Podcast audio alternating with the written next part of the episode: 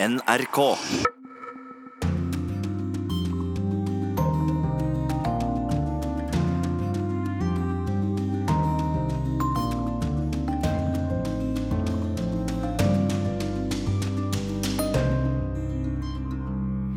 Klokken har passert 11.03. Du lytter på NRK P2 eller Alltid nyheter, og programmet er Urix på lørdag, med følgende saker.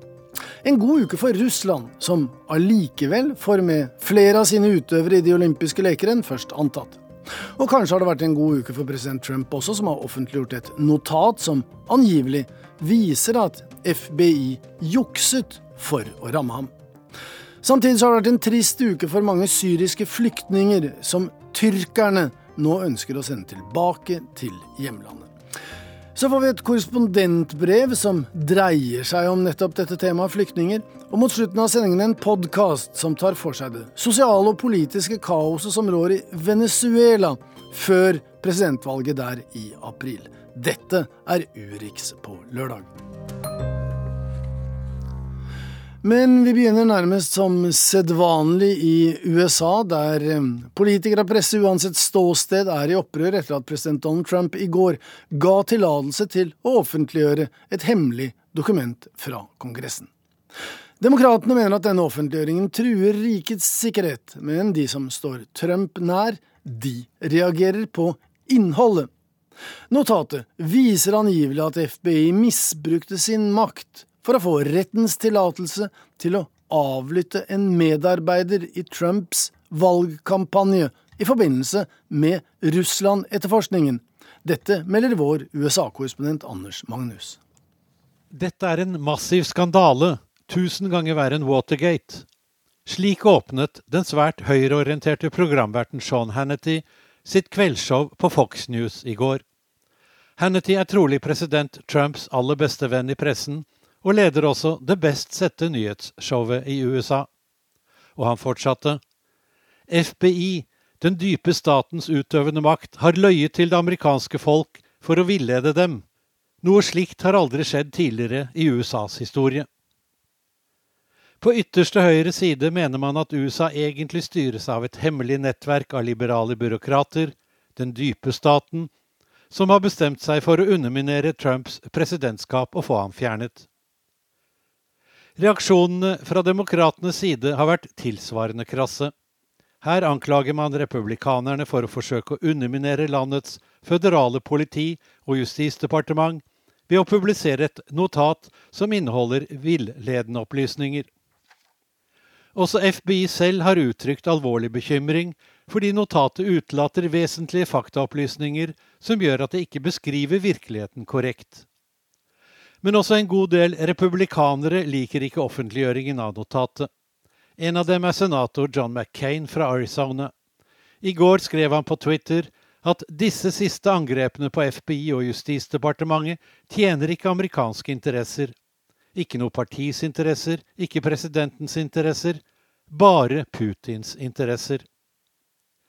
Demokratene er nå bekymret for at Trump benytter dette notatet som en foranledning til å sparke spesialetterforsker Robert Mueller.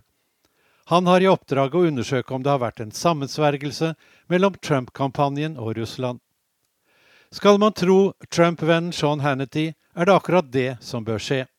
På Fox News sa han at Russland-etterforskningen er bygget på løgner betalt av Hillary Clinton. Spesialetterforskerens undersøkelser må øyeblikkelig stanses, og siktelsene mot Michael Flynn og Paul Manafort må trekkes tilbake. Flynn er Trumps tidligere sikkerhetsrådgiver som har innrømmet å ha løyet til FBI, og som trolig nå samarbeider med spesialetterforskeren. Tiltalen mot Manafort dreier seg om hvitvasking av enorme pengebeløp med opprinnelse i Ukraina og Russland. Det spesielle i denne saken er at de to myndighetspersonene som får hardest kritikk av Trump og republikanerne, er utnevnt av Trump selv. Både FBI-direktør Christopher Ray og visejustisminister Rod Rosenstein. Nå kan det se ut til at Rosenstein står for fall. Da Trump i går ble spurt av en journalist om han hadde tillit til visejustisministeren, svarte han kryptisk. Det kan du vel tenke deg selv. Rosenstein er sjef for spesialetterforsker Mueller og bestemmer hva han kan gjøre eller ikke gjøre. Dersom Rosenstein blir fjernet, kan to ting skje. Etterfølgeren hans kan få ordre om å sparke spesialetterforskeren. Da mener demokratene at Trump har ledet landet inn i en konstitusjonell krise. Eller så kan Rosensteins eventuelle etterfølger bestemme at Mueller skal avgrense etterforskningen, f.eks. ved å slutte å forfølge mistankene om at både Trump og hans familie har hvitvasket millioner av dollar fra russiske kilder. Det republikanske flertallet i etterretningskomiteen i Representantenes hus i Kongressen fikk laget notatet som nå er offentlig. Men også demokratene har laget et notat som de mener viser en helt annen sannhet. Dette notatet er ennå ikke tillatt å offentliggjøre. Det ble nedstemt av det republikanske flertallet. Og selv om etterretningskomiteen skulle endre syn, vil det til syvende og sist være opp til president Trump selv å bestemme om det kan offentliggjøres eller ikke. Det er det ikke sikkert at han mener er i det amerikanske folkets og sin egen interesse. Sa altså Anders Magnus fra Washington. Og bare et lite historisk apropos her fra studio til disse advarslene om Watergate, for den gang var det en annen republikansk president, nemlig Richard Nixon, som var under etterforskning. I 1973 ble den gang spesialetterforsker Archibald Cox sagt opp, nettopp av Nixon, som altså var en av de som var gjenstand for etterforskning. Da trakk mange andre seg i protest mot det Nixon gjorde i det som til slutt ble kalt Saturday Night Massacre. I natt advarte altså demokratene i Kongressen mot at offentliggjøringen av dette kontroversielle notatet kan føre til en ny massakre. At dette kan bety begynnelsen på slutten av Robert Mueller som spesialetterforsker. Men selv om demokratene i Kongressen i natt protesterte på prinsipielt grunnlag mot offentliggjøringen av dette omtalte notatet, så må jo sluttresultatet fra 1974 ikke være å forakte sett fra de demokratiske politikernes side. For den republikanske presidenten Nixon den gang ble så presset at han valgte å trekke seg i stedet for å bli fradømt sitt embete. Så sånn sett må Watergate som eksempel også ha en viss positiv klang for demokratene i Washington.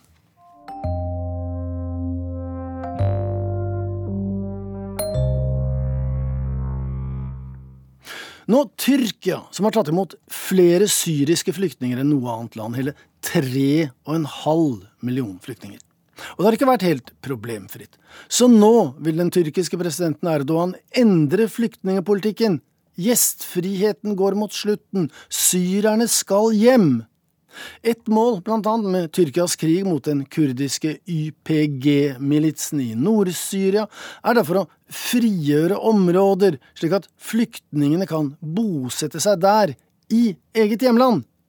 Vår korrespondent i Istanbul, Sissel Wold, har truffet noen av syrerne i den byen. Det hakkes grønnsaker. Falafel kokes i olje. Men foreløpig er det få gjester på restaurant Burj al Arab denne fredagsformiddagen. I'm from uh, Syria. Yeah? Yeah, exactly in middle of Syria, Homs. Zayed al-Mehelm fra Homs har vært tre år i Tyrkia. Han studerte for å bli landbruksingeniør da krigen kom. Nå serverer han falafel, hummus, salater og kylling i Istanbul. Syria, him. Om jeg hadde blitt i Syria, så måtte jeg ha tjenestegjort i Assads regjeringshær, og det ville jeg ikke, forklarer Sayed. Han vil helst dra videre til Europa, men EU har stengt dørene. Mutaz al-Faour er fra Aleppo. Han har jobbet hardt for å etablere restauranten Burj al Arab, som er arbeidsplass for sju personer. Tyrkia er bare et venterom. Jeg venter og venter på at det skal bli mulig å flytte til Syria igjen, sier Al-Faour. Han studerte juss og vil bli advokat. Men ingen av de to vil dra hjem før president Assad er borte. Regjeringspartiet AKP omtaler syrerne som gjester og ikke som flyktninger. For regjeringen har vært for å integrere dem og gjøre det lettere å få statsborgerskap, fordi man mener at syrerne bidrar positivt til Tyrkias økonomi. Men syrerne merkes mer og mer på statsbudsjettene.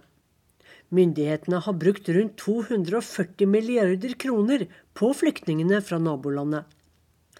Og i en tid da millioner av fattige tyrkere sliter med å få livet til å gå rundt, er mange opprørt over at så mye skattepenger går til flyktningene. Og siden syrere jobber for lavere lønninger, er forholdet mellom tyrkere og syrere anspent mange steder. Nå sender regjeringen og president Erdogan ut helt nye signaler i sin flyktningpolitikk. For etter at Tyrkia gikk til angrep mot den kurdisk-syriske militsen YPG i byen Afrin i Syria, sier de at dette også er en forberedelse på å sende syrerne hjem. Presidenten sier det slik. Våre operasjoner vil fortsette helt til separatistterrororganisasjonen, altså YPG, er utrensket fra regionen. Og da kan rundt 3,5 millioner syrere returneres trygt til hjemlandet. Tidligere har Tyrkia bygget opp byen Jarablus i Syria og sendt 50 000 syrere tilbake dit. Nå vil Tyrkia bruke Afrin på samme måte. If Erdogan would tell you that it's good for you to go to Afrin, would you say yes? For me, uh, I think for me I have to uh, thinking about that very well. Afrin og Jarablus er små byer. De har ikke universitet eller gode nok moskeer eller sykehus så de kan ikke ta imot en hel haug med syrere, mener Motas Alfaor fra Aleppo. And, uh, three uh, million Syrian refugees come to Turkey. That's too much to Turkish government because maybe uh, they don't have a lot of money to spend it on Syrian refugees. Det er klart at mer enn tre millioner syrere er for mye for Tyrkia, sier Zayed. President Erdogan har rett til å si at syriske gjester skal dra, og at gjestfriheten er over, mener Motas. Men vi syrere er arbeidsomme, vi skaper verdier, vi er ikke late. Vi har etablert mange bedrifter her, og vi har skapt masse arbeidsplasser, forklarer Motas. Men de syrerne som er fattige, de som ikke har noen jobb, de bør dra til Afrin. Men slike som meg, som har etablert en business her, skapt arbeidsplasser, som i denne restauranten, vi bør bli her og drive businessene videre, mener han. Hva tenker de om at Tyrkia har gått i krig mot den kurdiske YPG-militsen i Syria? Uh, he says to me, this is political.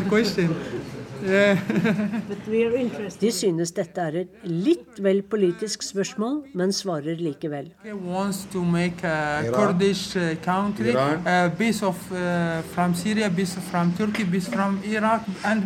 Kurderne ønsker å lage sin egen stat, men jeg syns det er galt. De kan ikke rive seg løs fra Syria, for Syria er ett land, og det må fortsette slik, mener Sayed.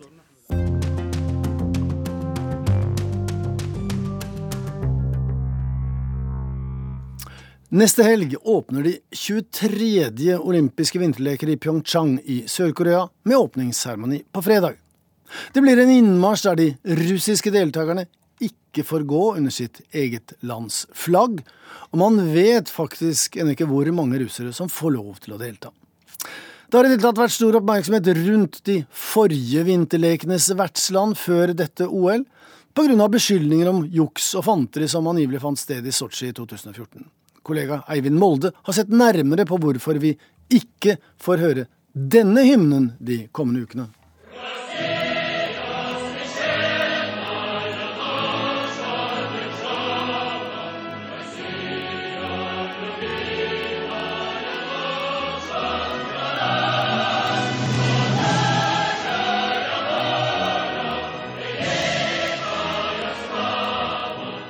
Ei høgtidelig stund men slike høydepunkt blir det ikke for russerne under OL i Pyeongchang.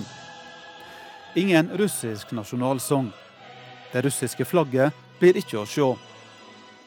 5.12. i fjor hadde presidenten i IOC, Thomas Bach, følgende å melde. The Russian Olympic uh, Committee is suspended with immediate effect. Den internasjonale olympiske komiteen, IOC, hadde stengt Russland som nasjon ute fra OL i Pyeongchang. Avgjørelsen var straff for omfattende doping, særlig under OL i Sotsji i 2014. Et OL som sportslig var en knallsuksess for Russland. Og Det er Anton Sepolin som får velge spor, og der er det avgjort. Han vinner. Anton Sepolin avgjør dette for Russland, og hør på jubelen! Hør på jubelen når Sepolin sørger for gull på hjemmebane i herrestafett i skyting! Russland ble beste nasjon. Kunne oppsummere med 33 medaljer, 13 gull. Det blir russisk gull, det blir russisk sølv, det blir russisk bronse. Tonight we can say Russia delivered all what it had promised. Det var i Sotsji. I Pyeongchang vil rett nok russere som ikke har vært involverte i doping, kunne delta, etter invitasjon. Det er det. For russerne er dette et hardt slag. Я думаю, что это политическое решение мировое. То есть, ну, политика мировая, как бы ее никто не отменял, и поэтому... Dette er ei politisk avgjerd. Verdenspolitikken er seg sjøl lik. Dette har ikke noe med idrett å gjøre, sier denne mannen på Den røde plassen i Moskva. For det er en stolt OL-nasjon vi snakker om. Ei olympisk stormakt. Og så kommer Sovjetunionen og retsover mot mål og blir olympiske mestere, det sovjetrussiske laget. Og vi har retsover i mål som olympisk vinner. Akkurat der går Sovjet i mål. Og Kvinnestafetten under OL i Calgary i 1988, ett av elleve gull til det som den gangen var Sovjetunionen. Men nå er det altså Pyeongchang i Sør-Korea det handler om.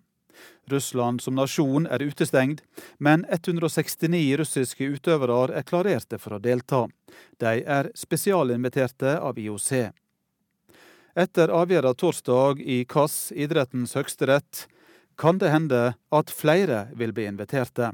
Da ble det altså klart at 28 russiske idrettsutøvere likevel ikke blir utestengte på livstid fra OL. Men samme hvor mange de blir, får de medalje, er det den olympiske hymnen som skal spilles for dem under medaljeseremonien. Russlands nasjonalsang får ingen høre i Pyeongchang.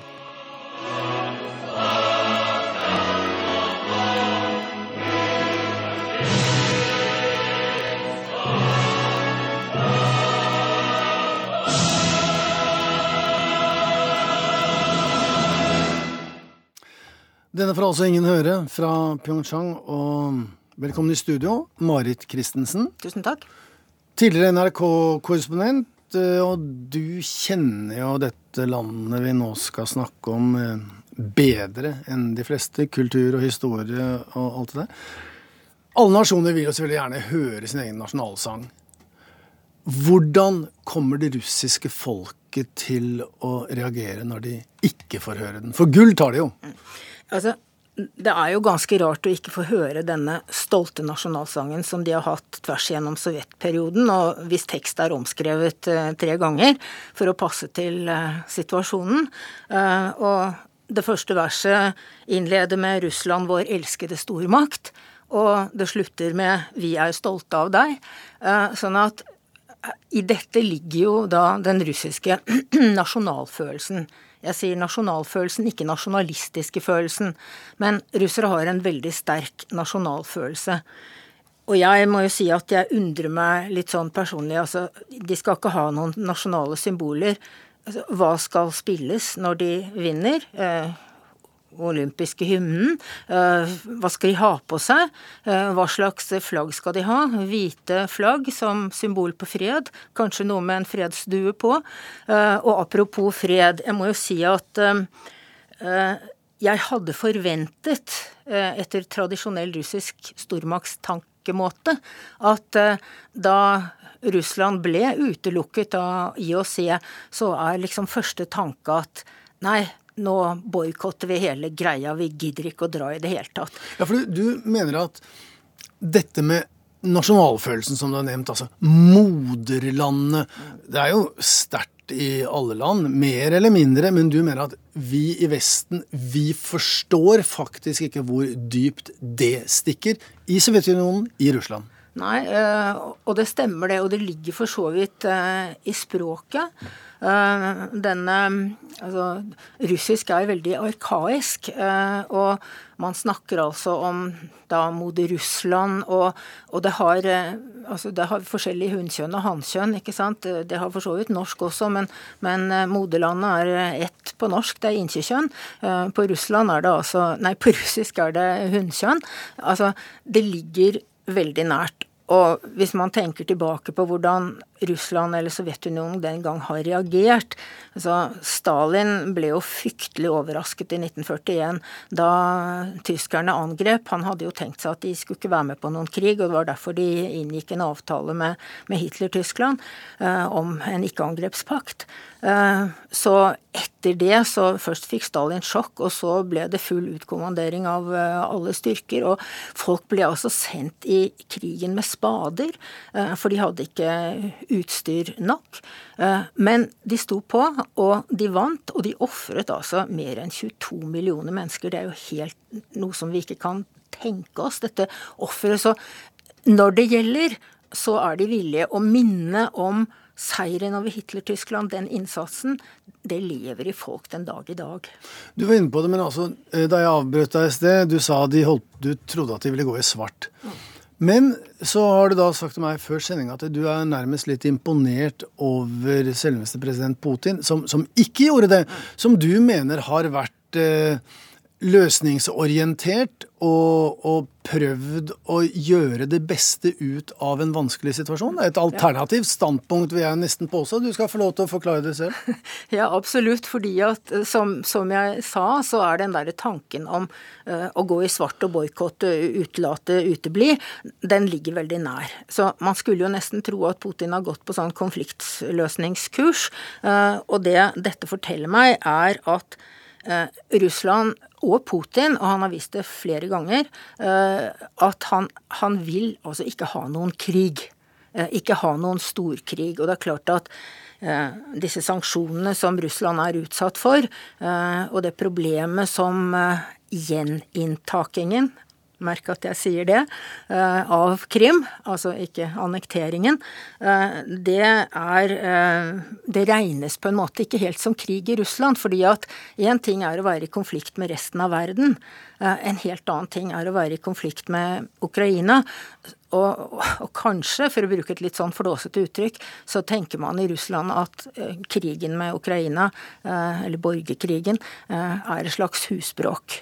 Fordi at, og, da må jeg bare si, altså, ikke sant, Den russiske staten oppsto i Kiev, og i hundrevis av år så har Russland og Ukraina vært ett og samme land. Så det er liksom sånn hjemme, hjemmefølelse. Samtidig så er det vel, når vi går bak dopingnyhetene Det er jo mange som mener at årsaken til eh, utestengelsen ligger akkurat der, altså i Russlands annektering, eller eh, hjemstandsføring, som du sier, av, av Krim for en, fire år siden. At, at, det faktisk er en krig, at man brøt eh, folkeretten, at man annekterte en del av et fremmed land. Eh, mener du at russerne da ikke ser OL-utestengelsen i relasjon til Krim, men i relasjon til andre internasjonale si, forfølgelser av, av Russland? Altså jeg tror nok at Putin veldig godt forstår at dette er en internasjonal reaksjon. For eh, reaksjonen etter Krim uh, har vært veldig sterk. Og, og, jeg som da også har levet gjennom den kalde krigen, må jo si at den dårlige stemningen mellom Vesten og Russland føles nesten enda kaldere nå enn under den kalde krigen. Uh, så det er klart at, at Putin forstår dette, men grunnen til at jeg da er imponert, er at han rett og slett sier at ok, det ble sånn, vi sender de som kan, og vi blir med i OL på den måten som vi kan. Og, og uh, i det hele tatt, altså russisk sport falt jo helt sammen som, som russisk forsvar og mye annet etter at Sovjetunionen brøt sammen i, i 91. Og, og, russisk sport er blitt veldig annerledes nå. Altså Vi sier hele tiden statlig doping, statsdrevet doping, og vi tenker, synes det meg, som om vi tenker at dette fortsatt er Sovjetunionen, så hvor alt er sentralstyrt. Dystert. Men det er jo ikke sånn i russisk sport lenger. Det er kommet inn masse penger, det er kommet inn sponsor, eh, sponsorer. Altså, det er mye som, rart som styrer russisk idrett, og spørsmålet er egentlig ganske vanskelig. Så vi får se hvordan det går i OL. Det skal bli ganske spennende å se hvordan dette blir taklet, både av IOC, av Vesten og av Russland selv. Dette er åpenbart et tema vi kommer til å komme tilbake til. Vi sier takk til deg for eh, at du orienterte oss om dette temaet du kan veldig mye om, Marit Christensen. Tidligere NRK-korrespondent. Takk for fremmøtet.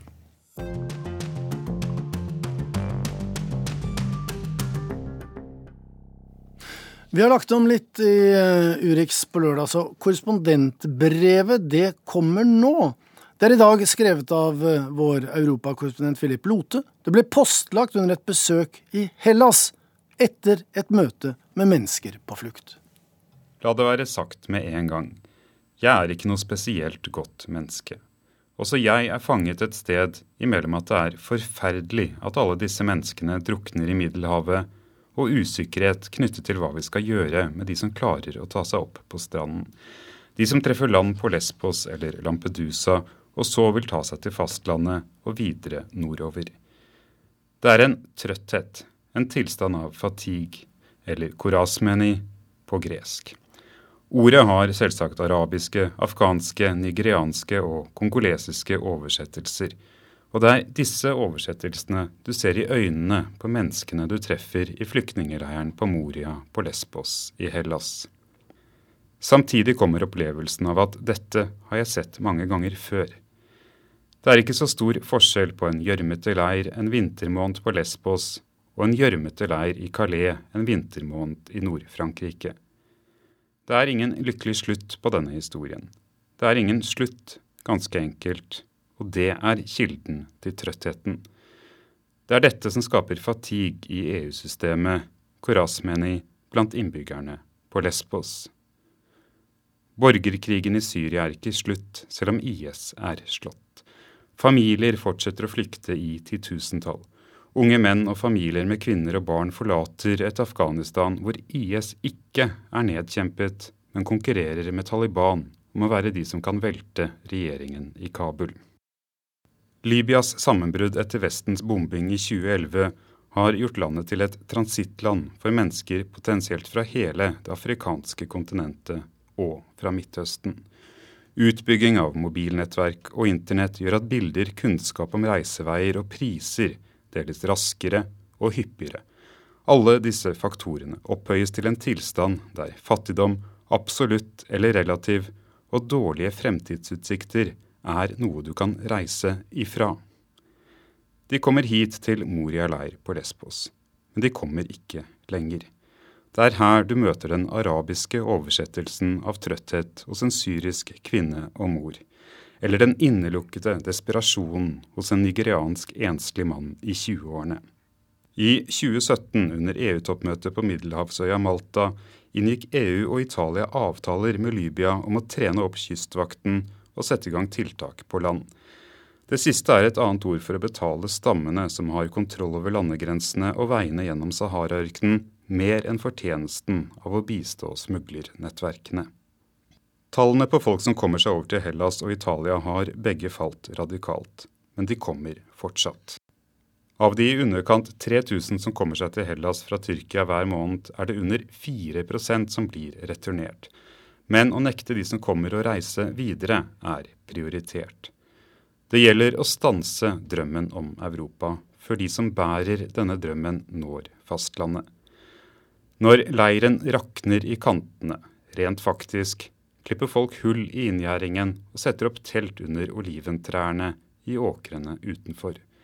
Når saniteten og boforholdene blir komplett utålelige, flytter de ut noen tusen for å lette på trykket. I all hovedsak familier fra Syria, Irak og Afghanistan, og noen få kvinner som har reist alene fra afrikanske land. Dette skjer først når kritikken blir så sterk at den er mer forstyrrende for greske innvandringsmyndigheter enn gevinsten av de avskrekkende bildene og fortellingene som folk deler med slekt og venner som ennå er i Tyrkia eller et sted i hjemlandet. For å være sikker på at folk deler sin frustrasjon og opplevelser av leiren, er det prioritert å sørge for at det trådløse internettet i leiren har så lite nedetid som mulig. Doer, dusjer og vann i kranene er mindre viktig. Da leiren i november huset over 7000 mennesker, tre ganger det den ble bygget for, var det flere sammenstøt og slagsmål mellom ulike etniske grupper. Og det er her den greske trøttheten, Korasmeni, melder seg på nytt. De har fått nok, mange av de som bor på øya Lesbos. I landsbyen Moria, rett ved leiren Moria, forteller Antigoni Tsarios hvorfor. Hun jobber på et familiebakeri i landsbyens trange hovedgate, som i tillegg til bakeriet huser om lag tre kafeer og to små matbutikker. Det var bedre før. De som kom da, var bedre mennesker. De som kommer nå, er dårligere mennesker, og de har ikke sluttet å komme. Hun bøyer seg litt frem, smiler litt unnskyldende, som for å si at hun ikke ønsker å være et dårlig menneske selv. Det er mye tyveri, og de tar dyr, sauer og geiter, som beiter. Jeg spør om hun forsøker å hjelpe. Ja, vi gir dem brød, familier med barn når de kommer, og gravide kvinner. Men hva kan vi gjøre, sier hun, og smiler oppgitt. Litt på samme vis som innbyggerne i leiren føler innbyggerne seg i landsbyen glemt glemt av EU. Et EU som i mangel av andre virkemidler har valgt å betale Libya og Tyrkia for å holde folk på utsiden av EUs ytre grenser. Libya er knapt en stat, Tyrkia et regime ledet av en eneveldig president, hvis EUs ledere og regjeringssjefer de siste årene har fått et mer og mer anstrengt forhold til. Hva gjør EU den dagen president Erdogan kanskje ikke ser seg tjent med å la avtalen med EU fortsette? Du trenger ikke ha kontor i EU-kvartalet for å forstå hvor sårbar og lite bærekraftig dette politiske byggverket er. Selve skjelettet i Europas asyl- og flyktningepolitikk er tynget av en skjørhet som går helt inn til benet. Det er en ekte fare for et demokratisk trøtthetsbrudd. EUs regjeringssjefer er foreløpig ikke i stand til å levere sine egne innbyggere en ny flyktninge- og asylpolitikk som er robust nok og smart nok til å takle krisene, konfliktene og de økonomiske ulikhetene sør og sørøst for EUs grenser. Heller ikke kan medlemslandene garantere at de som er forfulgt eller risikerer forfølgelse, får beskyttelse i tråd med rettsstatens prinsipper. Dublin-ordningen er uthult. Dette er prinsippet om at en asylsøknad skal behandles i det land hvor asylsøkeren blir registrert første gang en ordning som også Norge er sluttet til. Men asylsøkerne vet at får de et endelig avslag, er sjansene små for at de vil bli sendt ut eller tilbake til Norge hvis de slår seg ned på gata i Paris. Da president Macron denne måneden la fram det han mente ikke bare skulle være Frankrikes nye, men en del av Europas nye asyl- og flyktningepolitikk, sa han at dette ikke ville fortsette. Frankrike vil begynne å returnere folk i langt større grad. Frankrike vil praktisere en streng, men rettferdig asylpolitikk, sa Macron. Den politiker som krever opphavsrett til uttrykket en streng og rettferdig asylpolitikk, vil slite. I september 2011 sa opposisjonspolitikeren Erna Solberg det samme da jeg gjorde et kort intervju med henne etter at Høyre gjorde et meget godt kommunevalg. Solberg kunne for alvor begynne å snakke om hva Høyre ville gjøre hvis de kom i regjering. Men Solberg var neppe den første som sa at hun ønsket en streng, men rettferdig asylpolitikk. Det er mye lettere å være streng enn rettferdig. Strenghet kan graderes. Du kan være litt streng, ganske streng og veldig streng. Du kan levere på en prosent. Hvis du returnerer 30 eller 60 flere asylsøkere enn året før, spiller det egentlig ingen større rolle. Ved begge prosentdeler leverer du på lovet politikk. Rettferdigheten handler om enkeltsakene, enkeltpersonene, skjebnene som myndighetene sjelden vil eller kan gå inn i de gangene de dukker opp i offentligheten.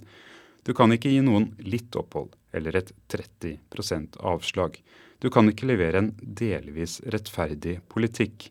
Rettferd er en absolutt verdi. De som klarer å manøvrere seg rundt EUs nyeste tiltak i Middelhavet, forbi de tyrkiske eller libyske grensepatruljene, har rettigheter. De har krav på rettferd.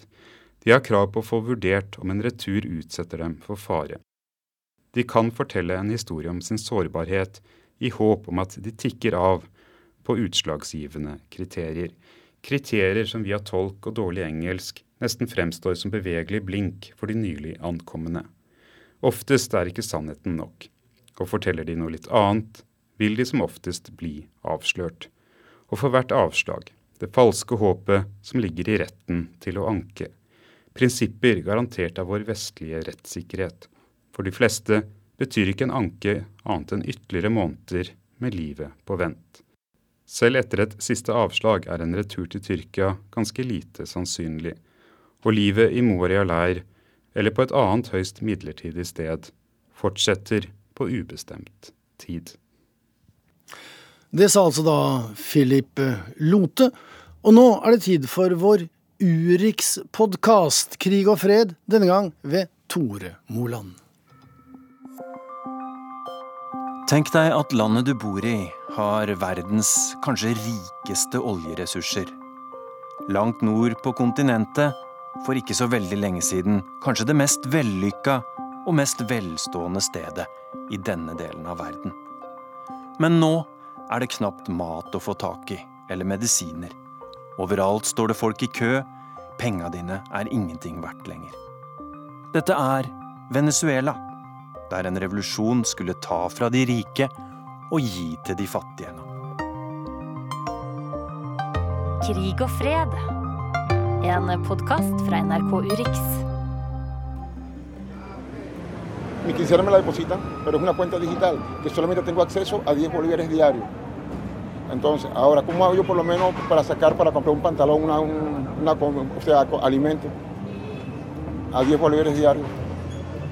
Lønna mi gikk rett inn på konto, og alt er elektronisk. Nå klarer jeg bare å få ut 10 000 bolivarer om dagen. Hvordan i all verden skal jeg få kjøpt klær eller mat for det? spør Ramón Saragossa. Han står i minibankkø i Venezuelas hovedstad Caracas. Køer er det mest typiske synet i Caracas. Og der eh, opplevde jeg en veldig forandring fra Jeg var der for halvannet år siden, og altså nå for noen dager siden. Eh, og det er mange, mange flere eh, køer å se. Det er køer overalt. Foran supermarkeder, foran eh, apoteker, foran minibanker, fordi det er vanskelig å få tak i penger.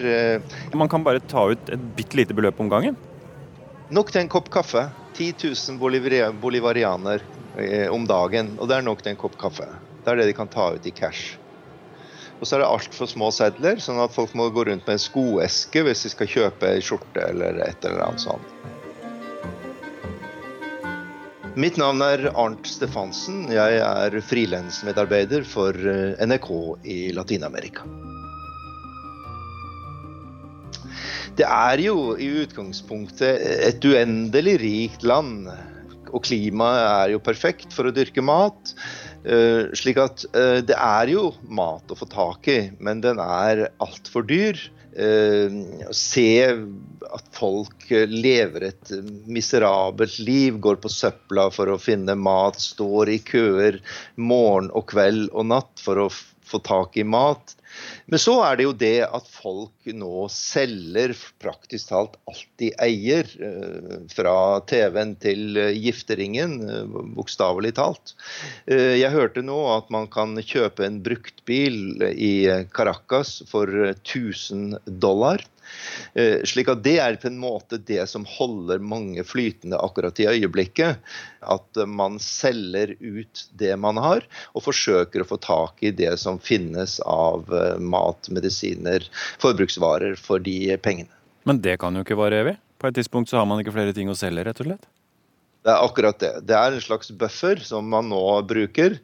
Og eh, på et eller annet tidspunkt som du sier, så, så, har man jo ikke mer å selge. Og hva som skjer da, det tør jeg nesten ikke å tenke på. Så dramatisk som det er der nå. Og hvis eh, regimet blir eh, gjenvalgt i, ved årets presidentvalg, så er det vanskelig å se noen annen utgang enn en veldig dramatisk slutt på, på dette eh, dramaet.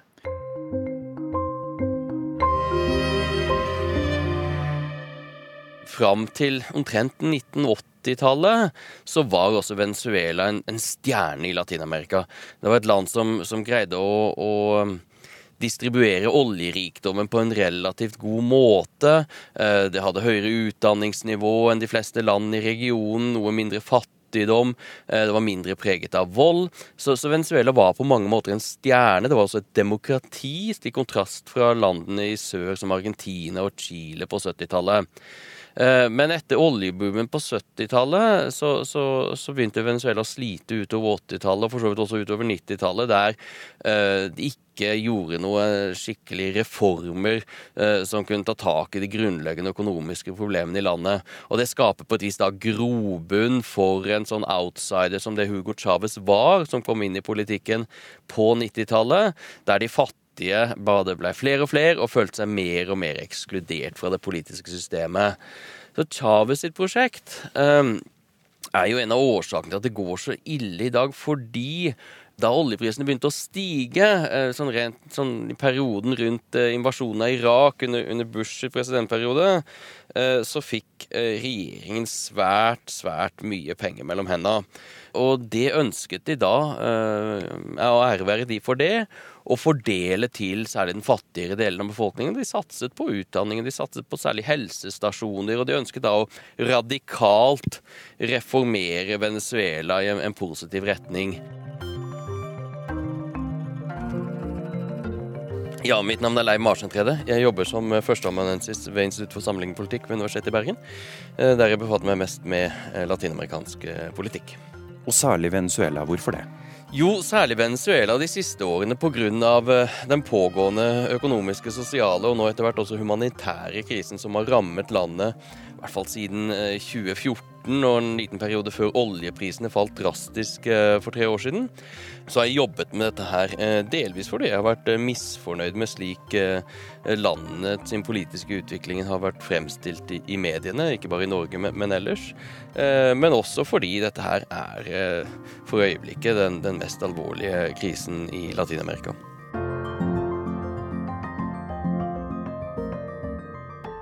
Jo, altså Siden da Nicolas Maduro, arvtakeren til Hugo Chávez, overtok makten i 2013, så, så har Venezuela eh, møtt på store, store økonomiske problemer. Det vi ser nå i Venezuela, er at det har verdens høyeste inflasjon. IMF spår en inflasjon på 13 000 i 2018, som, som, jo er langt, langt eh, forbi det neste land. 13 000 Ja. Eh, I dag så koster Én eh, dollar det koster 260 000 bolivar, altså den lokale valutaen i Venezuela. 260 000. Eh, for ved nyttår så kosta den 110 000, eh, så den er mer enn halvert da på, på under en måned. Så vi snakker hyperinflasjon, altså mer enn 50% inflasjon per måned. Så prisene stiger for den vanlige venezuelaner hver dag.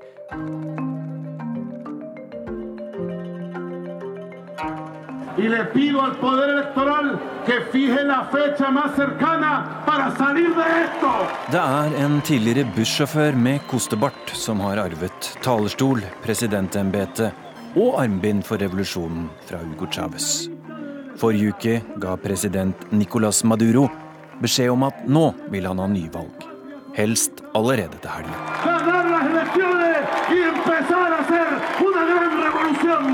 Necesaria del 2018. Maduro er jo en eh, politiker som eh, det er litt vanskelig å ta alvorlig. Eh, hans store styrke var hans konsekvente lojalitet til Hugo Chávez. Han støttet alt det Chávez gjorde, og satt ved hans sykeseng da Chávez fikk kreft og etter hvert døde. Eh, han var bl.a. utenriksminister i en lang periode under chavismoen, hadde gode kontakter inn til, eh, inn til Cuba, noe som, som, har vært en viktig alliansepartner for, eh, for Venezuela og, og chavismoen. Og han ble lenge også sett på som en, en mindre korrupt person og mindre kriminell person enn en, en nummer to i systemet nå, som heter Diostado Cabello. Eh, tidlig i perioden så ble han også sett på som noe mer moderat enn en andre i systemet, men det har kanskje vist seg å være en feiltolkning. Han virker på et vis litt klumsete når han fremstår i mediene og har langt fra den karismaen som Chávez hadde. Eh, og Hvis du hører taler av han, så, så lurer du litt på hva det er man har opplevd nå. Veldig lite argumentasjon og mye propaganda og mye rop og skrik som kjennetegner Maduro. Og folk flest, og da tror jeg nok langt inn i hans egne rekker, har jo ingen uh, stor respekt for mannen uh, og ser vel nesten litt ned på han. Men han har åpenbart et talent for å beholde makt, uh, for å lage konstruksjoner som gjør at regimet kan fortsette. Og utrolig nok så har jo opposisjonen i dette spillet faktisk faktisk kom dårligere ut den siste tiden enn Maduro-regimet. Så det talentet har han helt åpenbart. Tydeligvis en veldig smart politiker, fordi gitt at dette her er en ekstremt stor krise, så har han altså da greid å holde chavistene sammen og greid å beholde makten. Og det, og det er jo en, eh, en suksessfaktor som, som, eh, i hvert fall chavistene vil holde høyt. Ja, Hvordan i all verden er det mulig, hvis du sier at han har en støtte i folket på 20-25% Hvor blir det av de resterende 75-80% da? Posisjonen har jo et generelt og grunnleggende tillitsproblem. og Det bunner jo i dette klassesamfunnet. Eh, opposisjonslederne snakker om sult, så vet alle i Venezuela at de har aldri sultet. Opposisjonen var mye mer populær for tre år tilbake, da folk hadde et håp om at den kunne overta makten. I dag så er det svært mange som på et vis har hoppet av begge partiene her og, og stiller seg på siden og egentlig bare er mest opptatt med å overleve og skaffe mat til familien. Eh, eller, eller så er de opptatt med å flykte Venezuela. Så grunnen er jo at de har satt demokrati til side. Eh, så lenge du da setter demokrati til side og du, du lukker de demokratiske kanalene, eh, så kan du overleve uten å være særlig populær. Men det fordrer jo da selvfølgelig at de militære er villige til å holde av med makten, og det har de da vært enn så lenge. Så svaret er enkelt og greit at da de så at det var et mindretall, så satt de bare demokratiet til side. Jeg tror det må være protest i gatene. Protest er et lovlig middel. Det er ikke ulovlig. Og jeg tror det er behov for at folk markerer at nå er det nok. Jeg heter Mailem Laustad. Jeg, jeg, er fra Venezuela, født i Caracas. Og jeg har bodd i Norge i nære 20 eh, år. Eh, jeg er elektroingeniør og kom hit begrunnet en norsk mann. Jeg har to barn og jobber i oljebransjen. Enten så er det svart eller hvit. Det er veldig polarisert. Det er en kamp mellom det gode mot det onde. Og på hver side så tror jeg at man er den gode. Man snakker i nedsettende eh, bruk av ord. Og det gjør at polariseringen blir til, til og med i familier. Kan du fortelle meg om faren din? Ja. Han er en mann på 72 år. Jeg er jo enebarn, og min mor døde i 2004. Eh, så han ble alene. Eh, han klarte å bo alene en stund, men når, da han ble, ble, syk, så måtte han på en gamlehjem. I Venezuela? I Venezuela. Så um, det gikk greit i noen år inntil det begynte å bli eh, mangel på mat. Og det var et privat gamlehjem. Men det hjalp ikke å ha penger. Det var ikke tilgang på mat. Det kunne ikke kjøpes nok mat til alle som var i det gamlehjemmet. Så han ble rett og slett underernært. Eh, og han, var, han, ble veldig, veldig syk, så jeg måtte hente han inn eh, via familiegjenforening i Norge. Til Norge. Så du har rett og slett henta faren din fra Venezuela til Norge ja. pga. den nøden som er der nå? Ja. Mot hans egen vilje. Han ville ikke til Norge? Også, han ville jo ikke til Norge. Uh, han, kun, han, vil jo ikke være i Venezuela i den situasjonen er nå, men han ville jo egentlig ikke komme til Norge. Men jeg hadde ikke noe valg. Han var jo nær død. Det var snakk om noen måneder uh, hvis han fortsatt levde i Venezuela. Kunne du på noe tidspunkt tenke deg å flytte tilbake? Dessverre ikke i den situasjonen som er nå. Det er en altfor høy kriminalitet. Eh, og når det ikke finnes mat og, og en helsesystem som fungerer, så vil ikke jeg tenke det nå.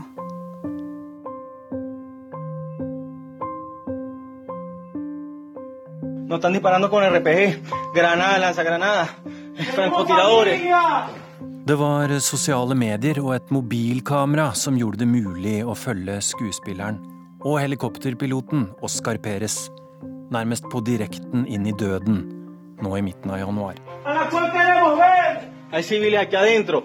Dijimos que nos íbamos a entregar y no, y no quieren dejar que nos entreguen, nos quieren asesinar.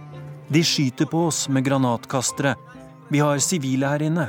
Vi vil overgi oss, men de vil drepe oss, ropte Oscar Perez, med blodet rennende fra panna på Instagram. Venezuelas James Bond ble han kalt. Kjekk, kortklipt, intenst grønnøyd. Men hva var dette slags røverhistorie, egentlig? Altså, han, han, dukket opp plutselig eh, for eh, vel et halvt år siden eh, ved at han, han stjal noen helikopter og, og heiv noen bomber mot Høyesterett i Krøkas. Og, og, stakk av. Det var en pinlig affære for regjeringen. Fordi de ikke greide å finne han. de greide ikke å skyte ned helikopteret, som jo gjennomførte et angrep på hovedstaden. Og han mante til opprør så var han på flukt i uh, mange måneder. og Samtidig som han postet innlegg på, på, på, nettet og lot seg intervjue av store internasjonale medier, CNN og andre. Men nå i mens jeg var i Venezuela nå i januar, så, så ble han drept av, av, myndighetene etter at han forsøkte å forhandle frem en overgivelse. Eh, men han og flere andre ble drept. Og Enkelte ser på han som en frihetshelt, slik han fremstilte seg som. Andre har en mistanke om at regimet har på en måte brukt han for å bevise at det er krefter, onde krefter som, som truer dem. Og så har du en tredje teori som går på at uh, regimet er splittet, og at det er en fløy av regimet som støttet han i maktkampen mot president Maduro.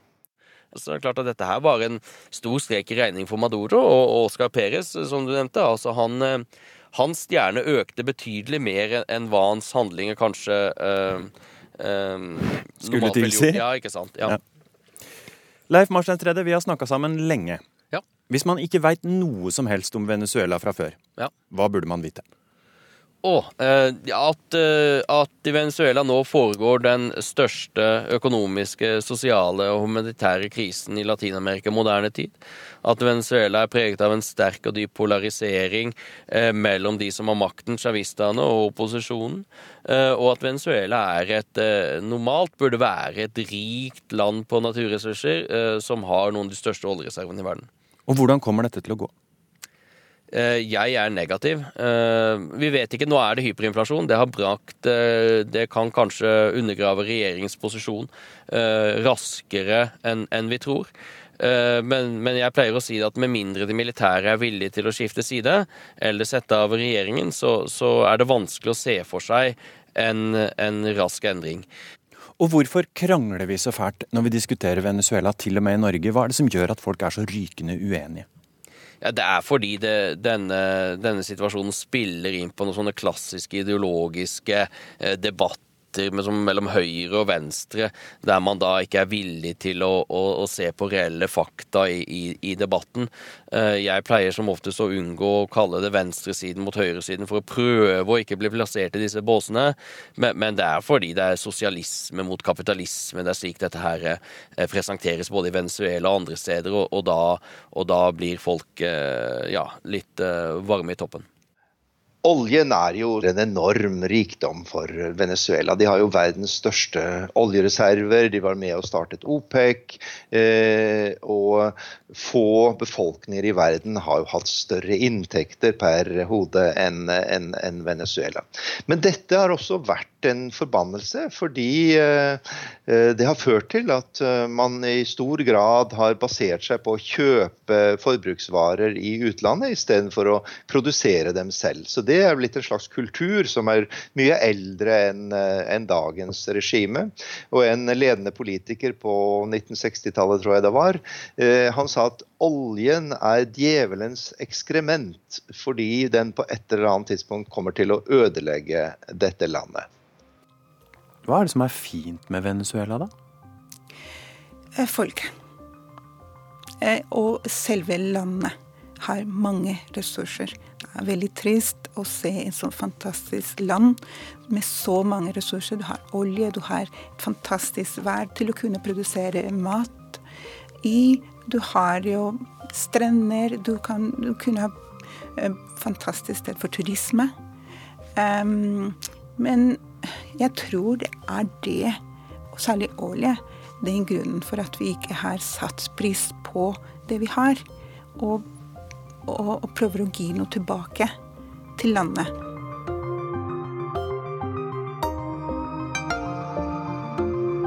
Du har hørt podkasten Krig og fred med Tore Moland.